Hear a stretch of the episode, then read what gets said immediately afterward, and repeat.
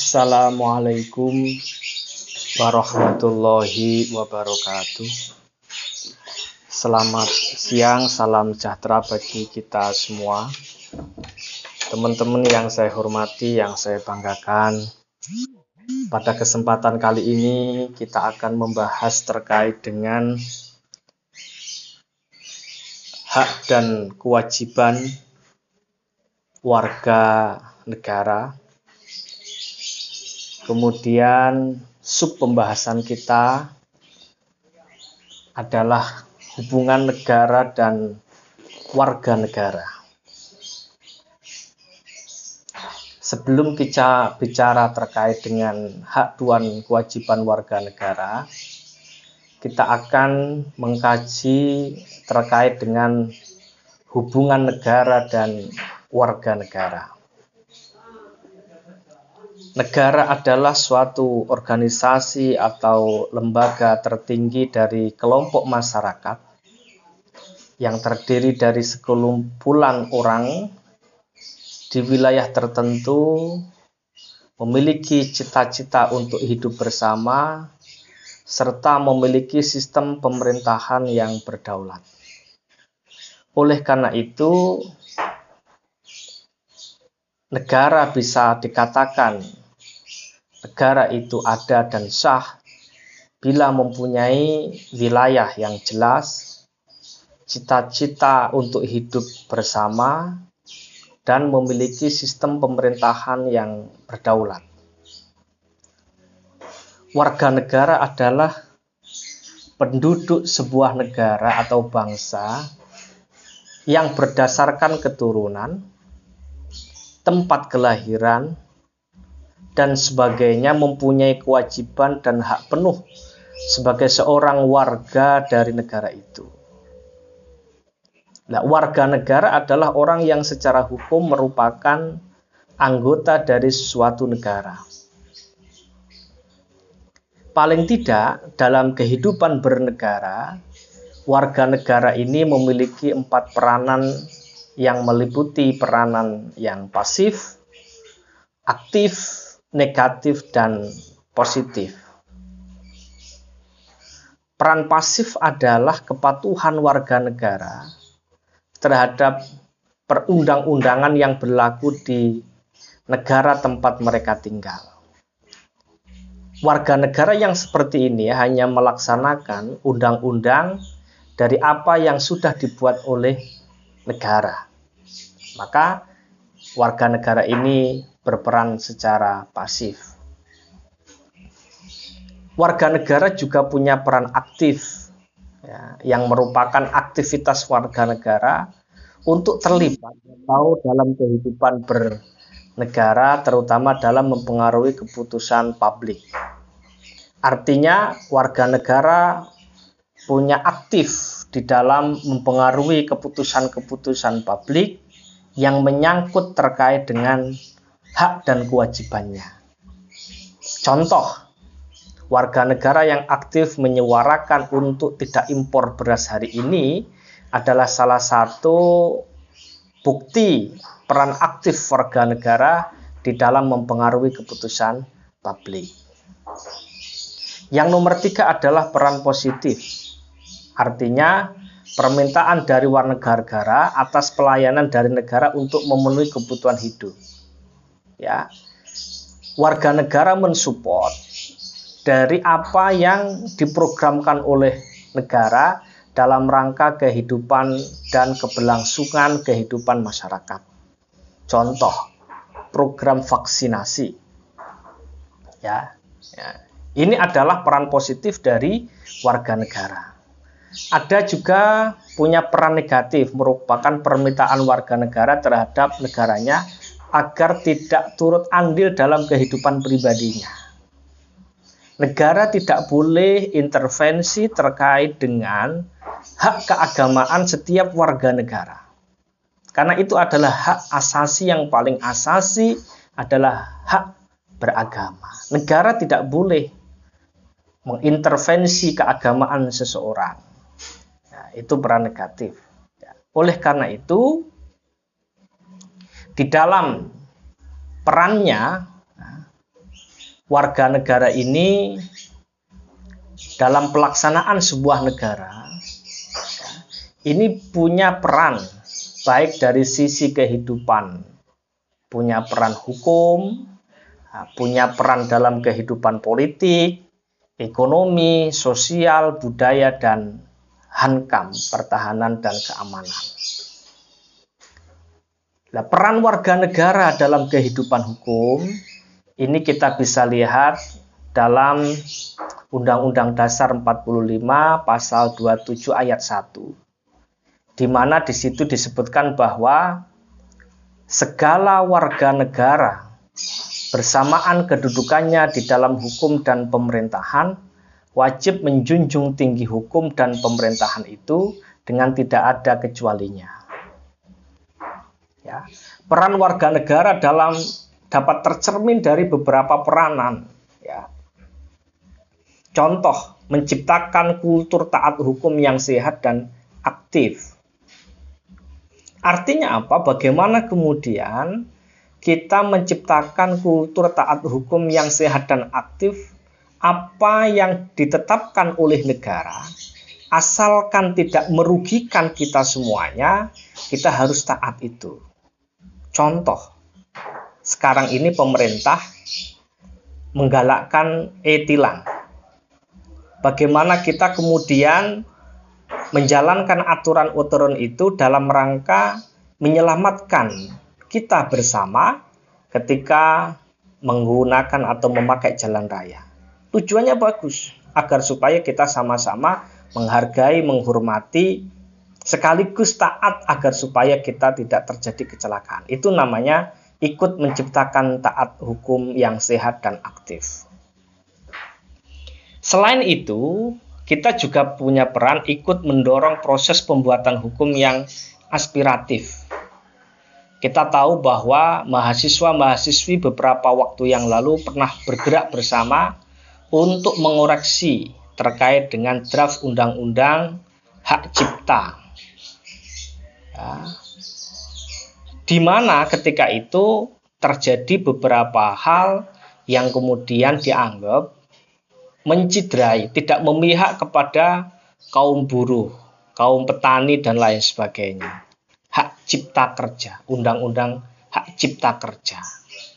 Ini yang kemudian uh, direspon oleh pemerintah yang kemudian Eh, hati-hati di dalam menentukan undang-undang itu karena di sana banyak orang yang terlibat, masyarakat kita terlibat dan punya dampak di dalam pasal-pasal di dalam undang-undang tersebut.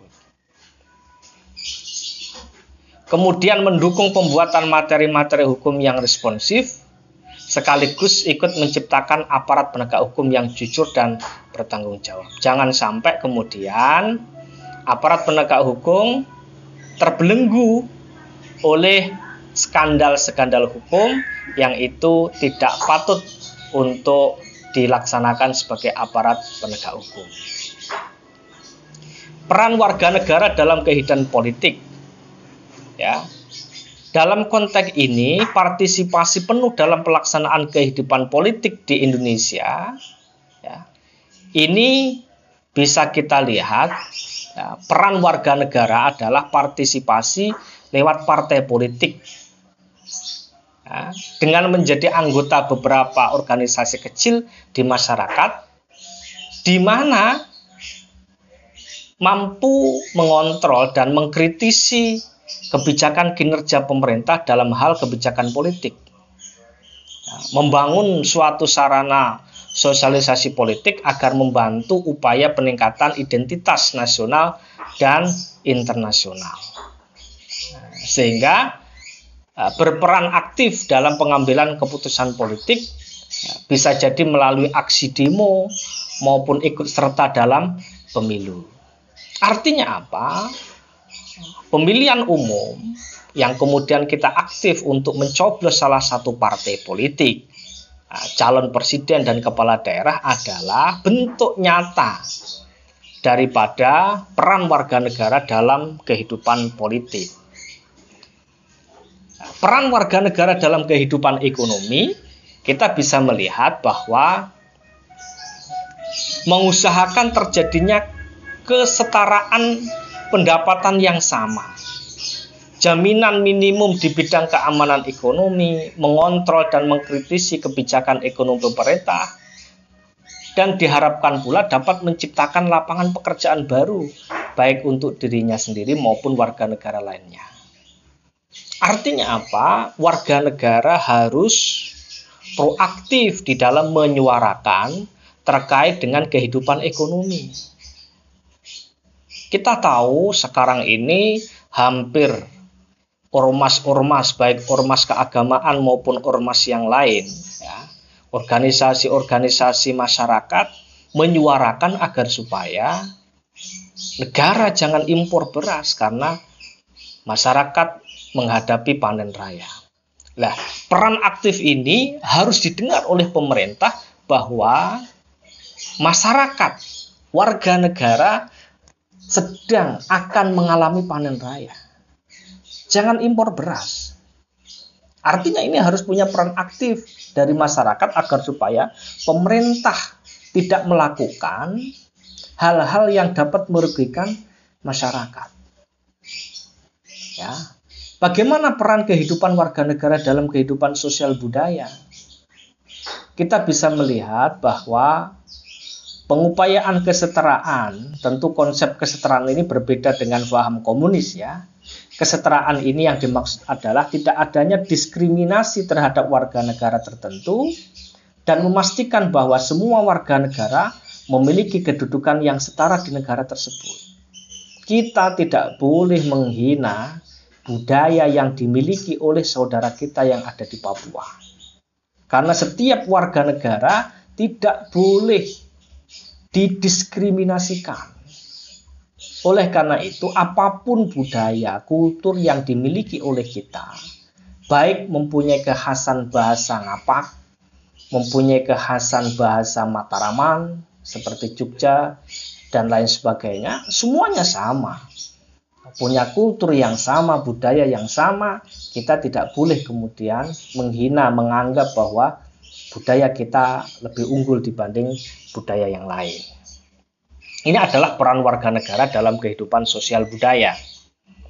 Peran warga negara dalam kehidupan HAMKAM, pertahanan keamanan, itu jelas dalam Undang-Undang Dasar 45 pasal 30 ditegaskan bahwa tiap-tiap warga negara berhak dan wajib ikut serta dalam usaha pertahanan dan keamanan negara.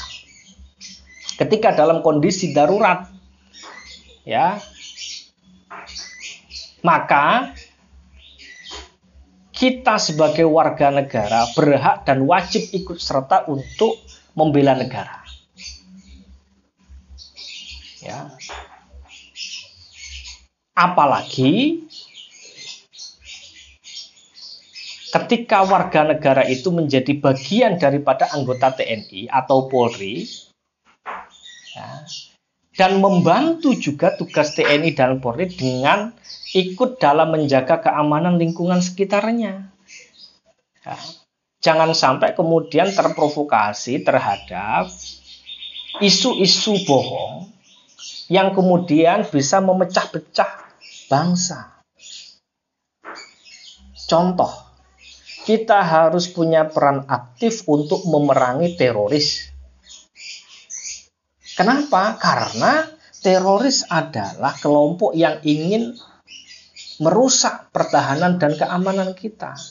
Maka ketika ada kelompok-kelompok teroris, maka peran kita adalah melaporkan kepada aparat penegak hukum agar supaya orang-orang itu bisa ditindak secara tegas beberapa waktu yang lalu viral terkait dengan kota amal yang mana kota amal itu sebagai salah satu donatur untuk kegiatan-kegiatan yang dilaksanakan oleh teroris. Nah, peran aktif kita adalah bagaimana kita mampu mengedukasi masyarakat agar supaya tidak terprovokasi dari isu-isu yang dibuat oleh uh, para teroris itu. Nah, oleh karena itu, negara dan warga negara mempunyai hubungan yang sangat erat dan saling menguntungkan dan saling ketergantungan satu dengan yang lain. negara tidak akan bisa berjalan dengan baik bila warga negaranya tidak menjalankan sekaligus bin, dan uh, sekaligus bersinergi dengan negara. Oleh karena itu, kalau kita bisa mencerna melihat bahwa negara dan warga negara harus bergandeng tangan dalam rangka menciptakan kesatuan dan persatuan, maka negara akan berjalan dengan baik sekaligus tujuan negara agar supaya masyarakat menjadi makmur, sejahtera akan tercapai. Karena ancaman yang datang dalam sebuah negara saat sekarang ini tidak hanya datang dari dalam, tetapi juga datang dari luar. Nah, justru saat sekarang ini ancaman yang terjadi di negara kita, di negara Republik Indonesia adalah ancaman yang datangnya dari diri sendiri, dari internal negara NKRI ini. Karena banyaknya informasi hoax yang dapat memecah persatuan dan kesatuan bangsa. Maka diperlukan komunikasi, hubungan yang intens antar negara dan warga negara agar mampu melawan ancaman yang timbul baik dari dalam diri sendiri, dari dalam internal warga negara Indonesia, maupun dari warga negara asing, agar supaya tetap terjaga kepercayaan antara negara dan warga negara. Kalau sudah tidak terjadi kepercayaan antara negara dengan warga negara, maka terjadilah peperangan. Dan ini uh, tidak kita inginkan, karena kita bisa melihat bahwa peperangan yang terjadi dalam sebuah negara sama sekali tidak ada yang diuntungkan. Karena peperangan yang terjadi dalam sebuah negara pasti akan menghancurkan negara tersebut.